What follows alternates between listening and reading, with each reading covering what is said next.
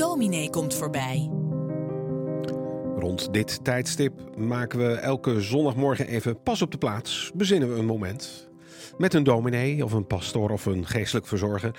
En vanmorgen begroeten we weer Dorien van Bosheide. Goedemorgen. Jij bent geestelijk verzorger, predikant in een gevangenis. Ook voor jou zal het een uh, pittig anderhalf jaar zijn geweest. Hoe is het nu bij jullie? Nou, goedemorgen Daan, fijn dat ik hier weer aanwezig mag zijn. En inderdaad, het is een heel pittig anderhalf jaar geweest. En we verlangen er allemaal naar dat het oude normaal ook weer het nieuwe normaal wordt. Maar dat zal toch wel een beweging zijn die we met elkaar moeten gaan maken. Want anders zal dat toch wel op een andere manier gebeuren. We zien wel en we hm. leren ons er wel toe te verhouden, denk ik. Vol goede moed gaan we in ieder geval verder. En ja, we hopen gewoon op ruimte. Ja, en dat ontstaat inmiddels een beetje. Eh, heeft deze anderhalf jaar gedetineerden veranderd?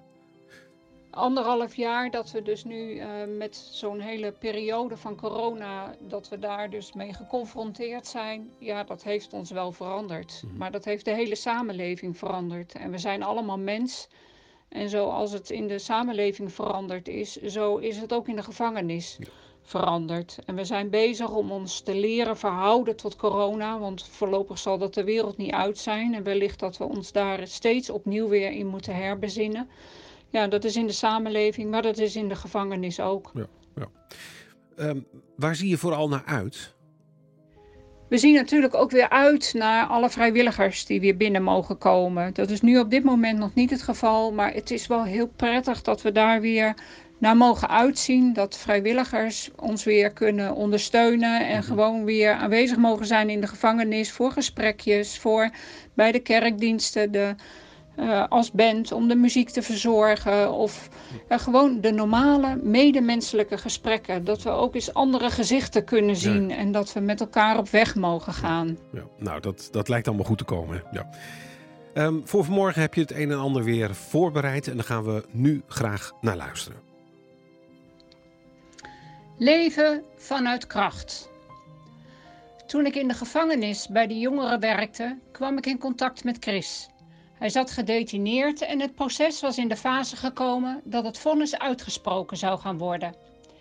Hij zat in de rechtbank en op het moment dat de rechter het vonnis voorlas, brak de zon door en kwam Chris in het volle licht te staan. Alleen hij. Hij voelde zich warm worden en met dat de zon doorbrak, kreeg hij een majestueuze ervaring dat hij verwoordde als: Op dit moment, nu, sta ik volledig in het licht en het voelt hemels. Dit is groter dan mijzelf. En dat op het moment waarop veel van wat ik verkeerd heb gedaan benoemd wordt en daar een oordeel over geveld wordt. Toen ik hem bij terugkomst in de gevangenis opzocht in zijn cel, vertelde hij hier vol verwondering over. Hij had op dat moment ervaren dat God vol liefde naar hem omkeek en als het ware erop wees dat er een andere weg mogelijk zou zijn.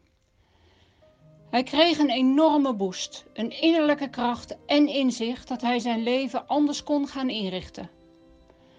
Voor hem was dat een moment waarop hij stil werd gezet, de warmte van de liefde voelde, inzicht kreeg, een moment dat zijn leven veranderde in een ervoor en een erna.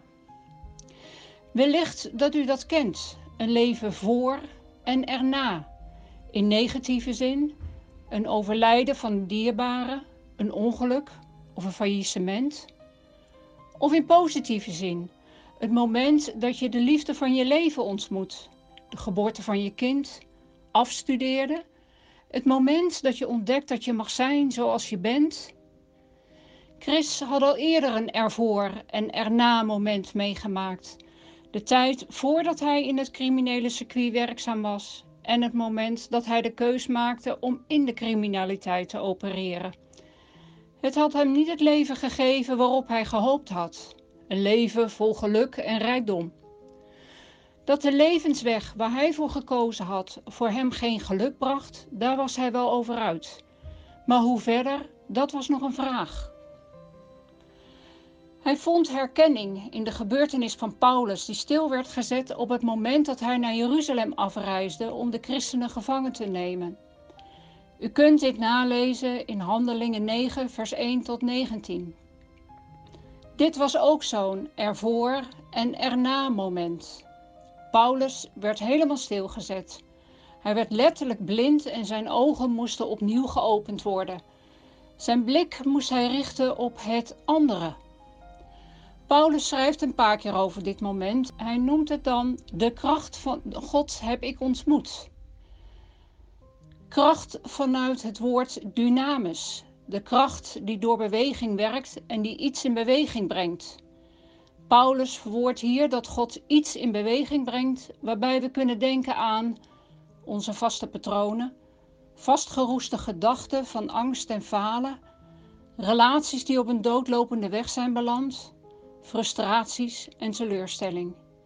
Dit kan in beweging komen door ruimte te geven aan de kracht die zich uit in prachtige godswoorden. Liefde, hoop, vertrouwen.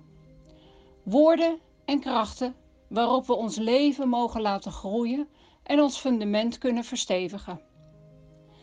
In de gevangenis hebben Chris en ik veel met elkaar gesproken over hoe dan? En wat dan? Wie ben ik? Hoe ga ik verder? En we konden contacten leggen met welwillende mensen buiten die hem op weg wilden helpen met een baan en opleiding. Maar het moment kwam dat hij naar buiten ging en wij geen contact meer hadden. Jaren later kwam een mail binnen van Chris en we maakten een afspraak. Het werd een heel plezierig weerzien. Hij vertelde dat zijn leven verder was gegaan over toppen en door dalen, maar dat het fundament waar wij zo over hadden gesproken inmiddels steviger was geworden en dat hij steeds beter kon zeggen: Ik ben een kind van God en mijn leven is voor hem belangrijk. Mijn leven is van waarde en gewenst. Jarenlang had hij geleefd op een fundament van afwijzing, teleurstelling, verbittering, liefdeloosheid en haat. Chris heeft de grootheid van God mogen zien en ervaren. Dat heeft hem een ander mens gemaakt. Een mens die het leven mag en kan leven door alle stromen heen.